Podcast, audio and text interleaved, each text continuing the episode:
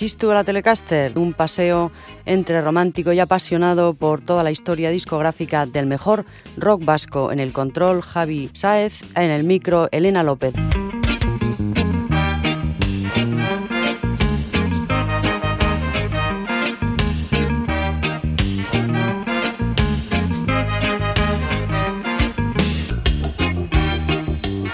1989 fue un buen año para el rock vasco discográficamente hablando, aunque desde luego no se produjo la avalancha de discos del 87 y del 88. En 1989 se publicó el segundo de Doctor Deseo, Tan cerca del cielo, el primero de Los Bichos, Color Hits, pero sin duda la comidilla musical de la temporada fue esta canción.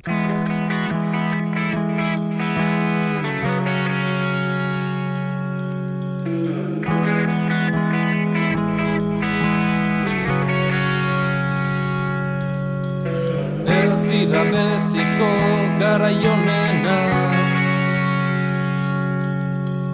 Azken finean gizaki utxak gara Barearen ostean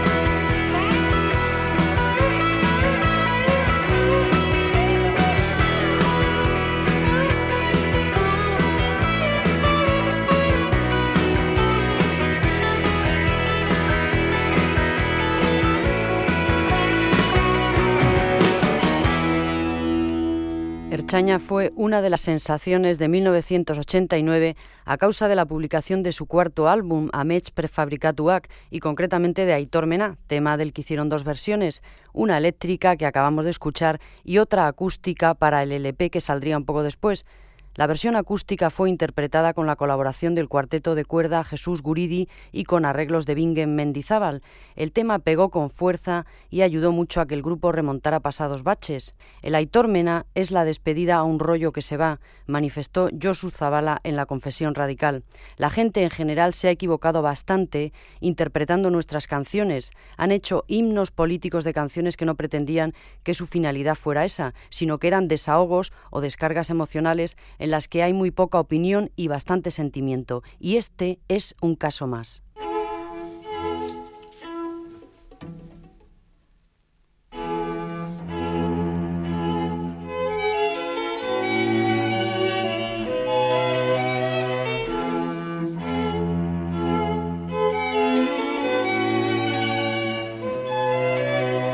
Ez dira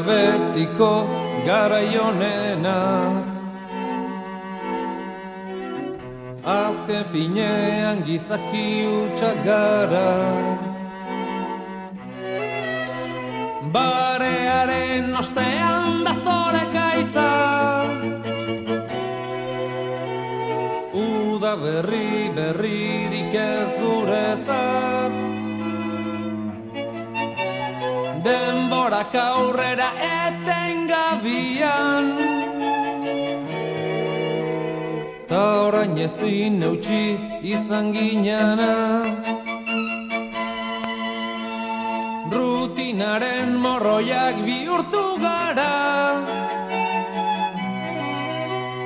Lastan alen baino lehen aska gaitezan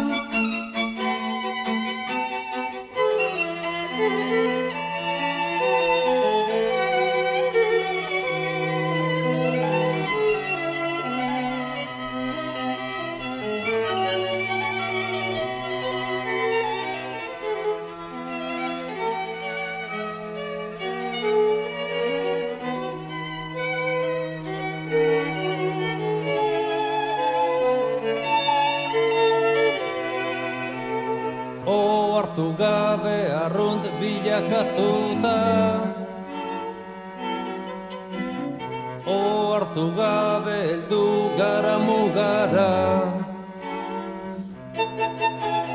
Mundua jautzi zaigu gainera. Maitia lehen baino lehen aska gaitezan. Ez dakigu non dagoen oberena Bila dezagun beste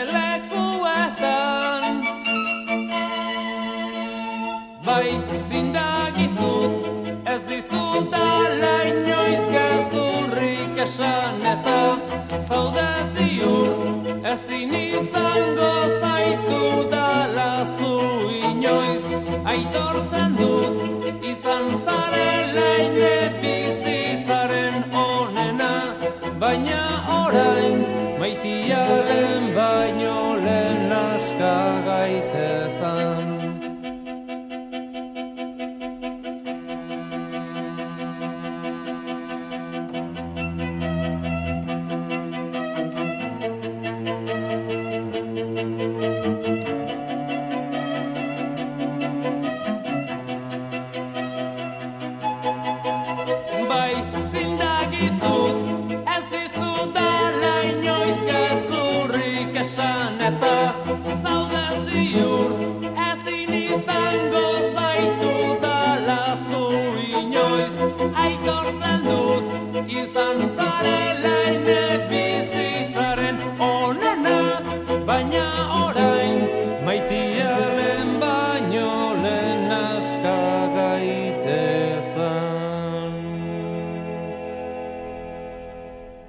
final, las niñas han venido y te la han coreado, continuaba Josu Zabala en el libro La confesión radical.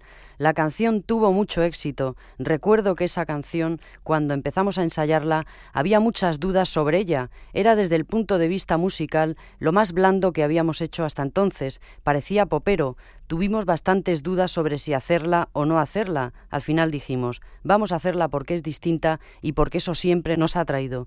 Pero la hacíamos un poco con la conciencia de que esa canción nos podía costar varios disgustos, que íbamos a tener que oír a cuenta de esa canción de todo. Va, estos ya se han reblandecido, no sé qué, no sé cuántos, y ese tipo de cosas, que efectivamente oímos, pero a pesar de que a cierto sector de la gente no le gustara por blanda, tuvo una recepción general yo creo que al final será seguramente una de las canciones más recordadas del grupo. La versión de violines se nos ocurrió hacerla porque no se había hecho nada así aquí, terminaba el bajista del cuarteto afincado en Gasteiz, pero había otros buenos temas en este cuarto disco de Archaña.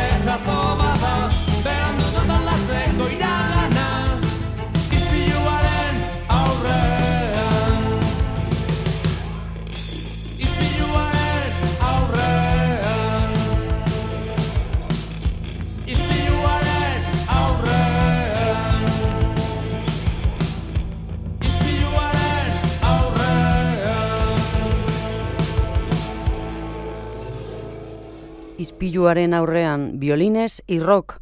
No habían sido los primeros en utilizar esa mezcla, ya lo habían hecho los Beatles en Yesterday y más recientemente Elvis Costello. Y continuamos en el programa del Chistu a la Telecaster, dejamos Archaña y nos vamos con otras cosas. En 1989 se celebró la quinta edición del Festival de Videomúsica de Gasteiz.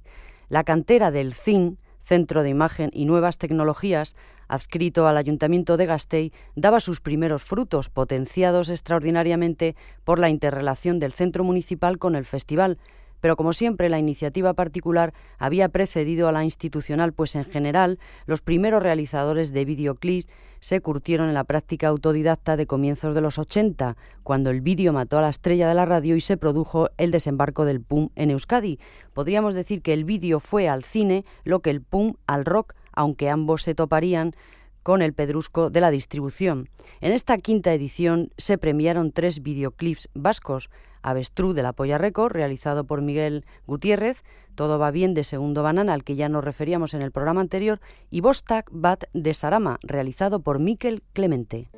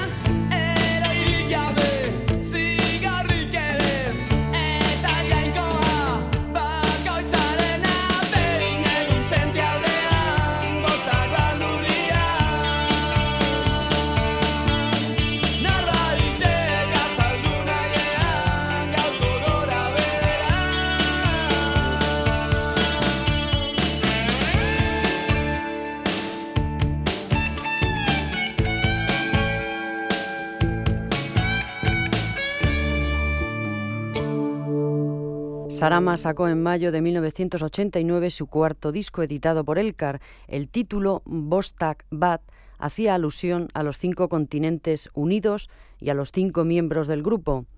En esta ocasión, el quinteto santurzano aborda múltiples estilos musicales mezclados entre sí y nos relata la historia de Anne, una profesora soñadora de mundos utópicos en los que muchos de los problemas que hoy soporta la sociedad están superados y el ser humano ha conseguido imponer la racionalidad. Anne, en sus sueños, explica a los horrorizados alumnos cómo era el mundo de 1989.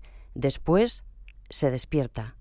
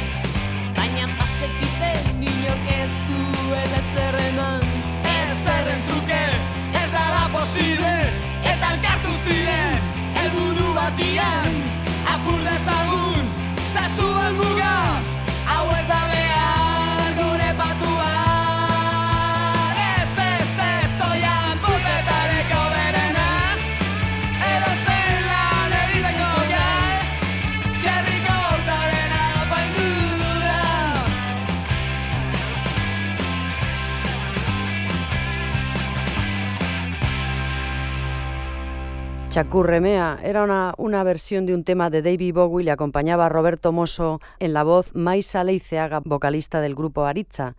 Hemos hecho este disco porque queríamos hacer algo fuerte en euskera y sin mirarnos el ombligo tanto, que es un gran defecto de los vascos, decía Roberto Mosso. Sarama, una de las formaciones con más solera de la escena rockera vasca. Y también eran de Santurce Dinamita para los Pollos, que editaron en el 89 el disco Purita Dinamita. Dinamita para los Pollos era una multitudinaria formación que estaba arrasando fuera de Euskadi con su rockabilly juvenil y dicharachero.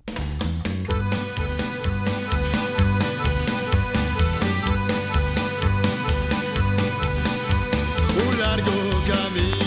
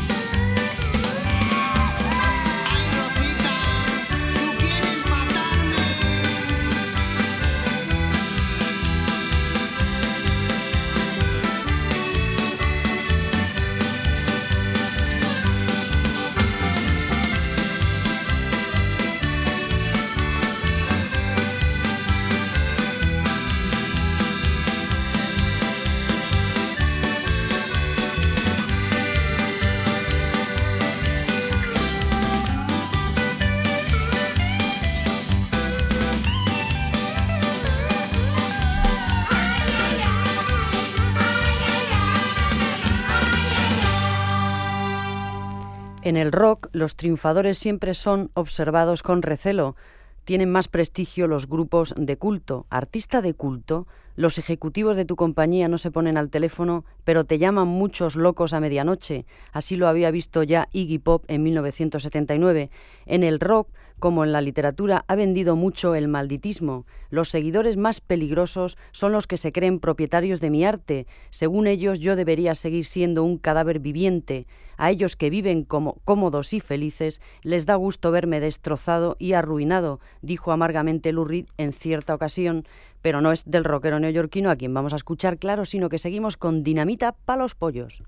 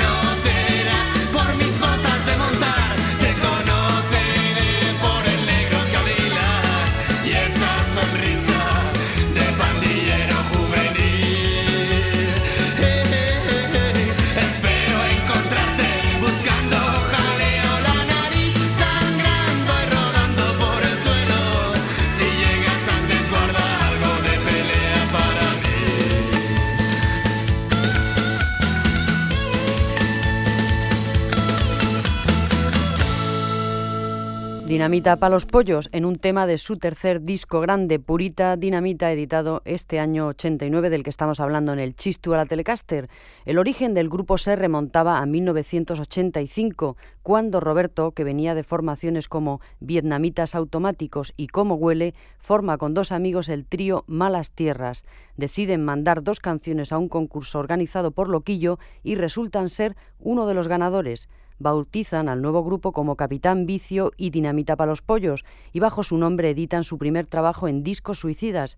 Los cambios en la formación se suceden hasta que queda estabilizada con Roberto a la guitarra, Rafa a la voz, Óscar al bajo y Ana, Nela y Reyes a las voces. Es entonces cuando Juan Raviles todavía batería de Duncan Du, les introduce en su sello Grabaciones Accidentales, donde sacan en 1988 el mini LP No molestes a Pa cuando está trabajando, con temas como Bourbon o 18 ruedas que ya hemos escuchado aquí. Y por fin en el 89 sacan este Purita Dinamita que les lanza definitivamente.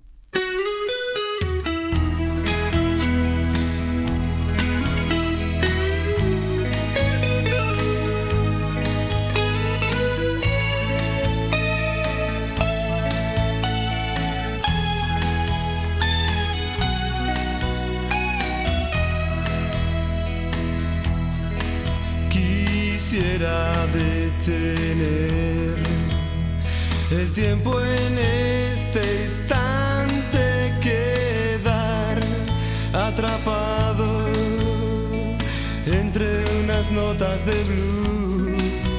Pero hoy planeta Elvis da vueltas en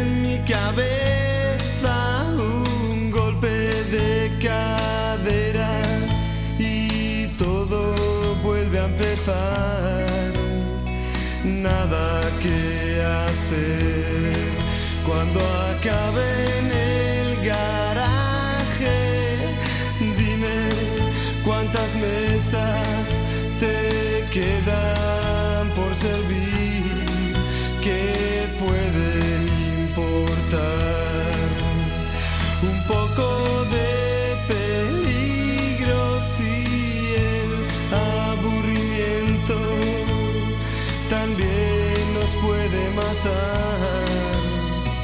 Velocidad, cierra los ojos mientras las calles se esfuman a mi lado, son malas tierras las que pisamos. Velocidad, sé que me falta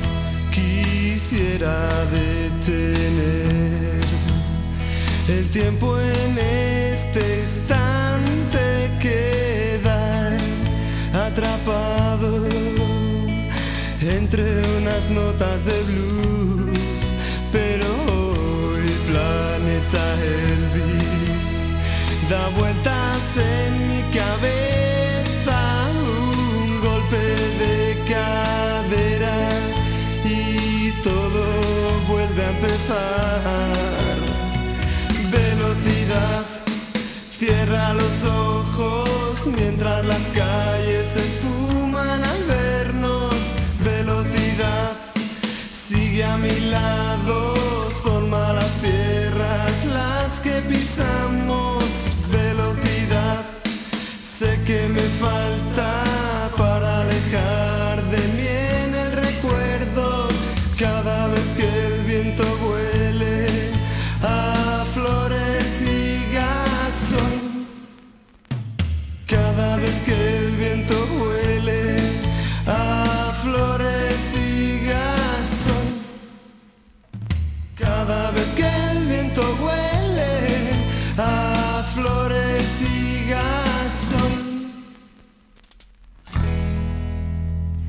Flores y gasoil, uno de los temas incluidos en este tercero de Dinamita Palos Pollos y del rockabilly de estos santurzanos nos vamos con un grupo muy diferente pero también vizcaíno. Doctor Deseo consiguió en el 89 su primera gran escalada de altura y de eso ya dábamos cuenta sobradamente en nuestra anterior edición del Chistu, pero hoy queremos insistir porque sabemos además que Doctor Deseo es uno de los grupos vascos más populares. Tan cerca del cielo fue un disco tan redondo como el vinilo negro que soportaba unas canciones llenas de magia, poesía negra como la noche y camas ardiendo.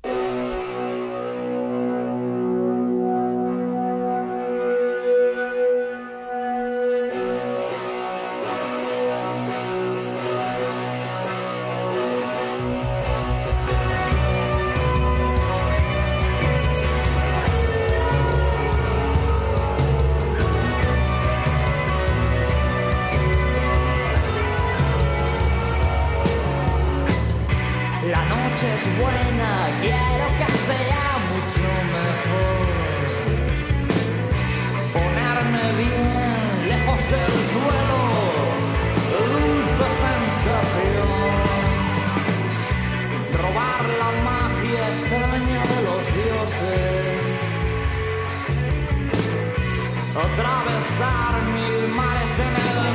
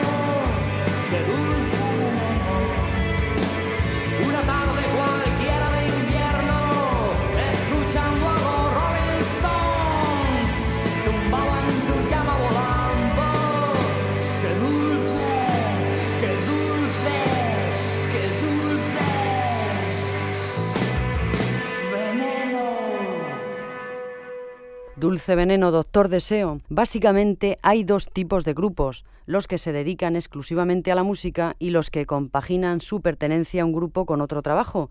Los dos son dignos de admiración. Los de dedicación exclusiva, salvo que sean Michael Jackson, tienen que soportar largas temporadas invernales de vacas flacas y apretarse el cinturón. Los grupos que no se dedican exclusivamente a la música tienen una dinámica menos agobiante, suelen espaciar más la salida de sus discos y por ello disponen de más tiempo para componer y limar las canciones. Podríamos decir que tienen una relación menos estrecha con la música, pero también menos neurótica. Bueno, a lo que quería llegar. Doctor Deseo pertenecía a ese segundo grupo de bandas. Francis Díez, su cantante, es panadero, bonita y nutritiva profesión. Viva el gremio de los panaderos.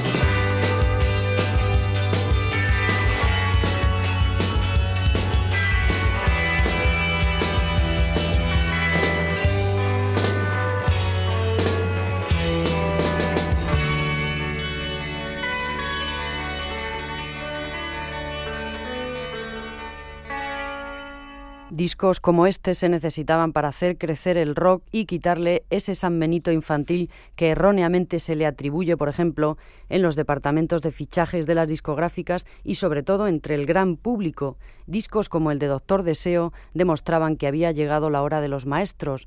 Después de años y años de proyectos, ensayos, fracasos y actuaciones, se había forjado una nueva generación de músicos. Un buen puñado de estos currantes del rock venían de la década anterior, habían tenido grupos a mediados de los 70, habían acompañado a cantautores, habían participado en experimentos sinfónicos o jazzísticos, y cuando estaban a punto de tirar la toalla, llegó el punk y la nueva ola. Música la de Doctor Deseo de cuerpo entero, de ingles y pensamientos, de seducciones y odios, de dolor y de alegría de vivir.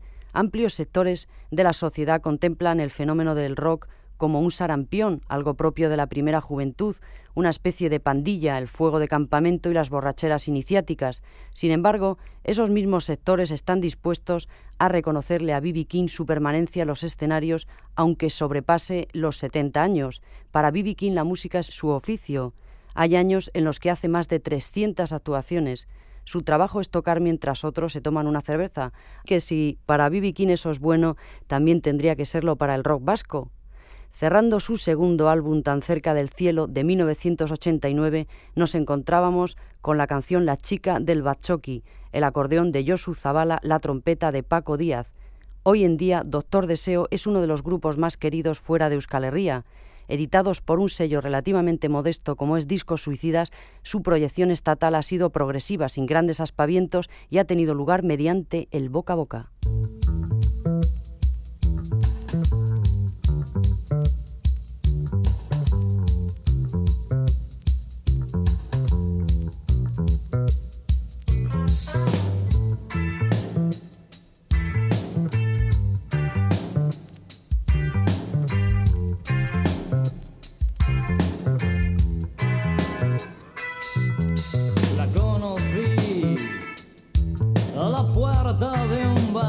whisky.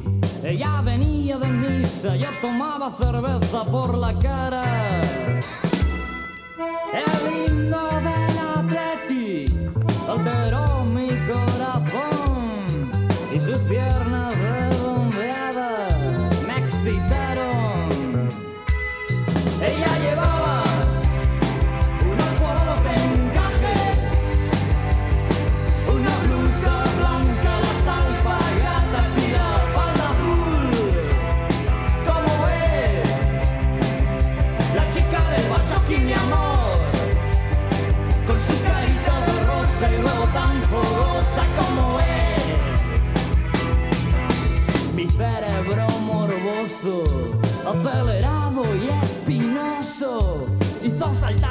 Pasión quemando varias neuronas. ¡Oh, qué calor!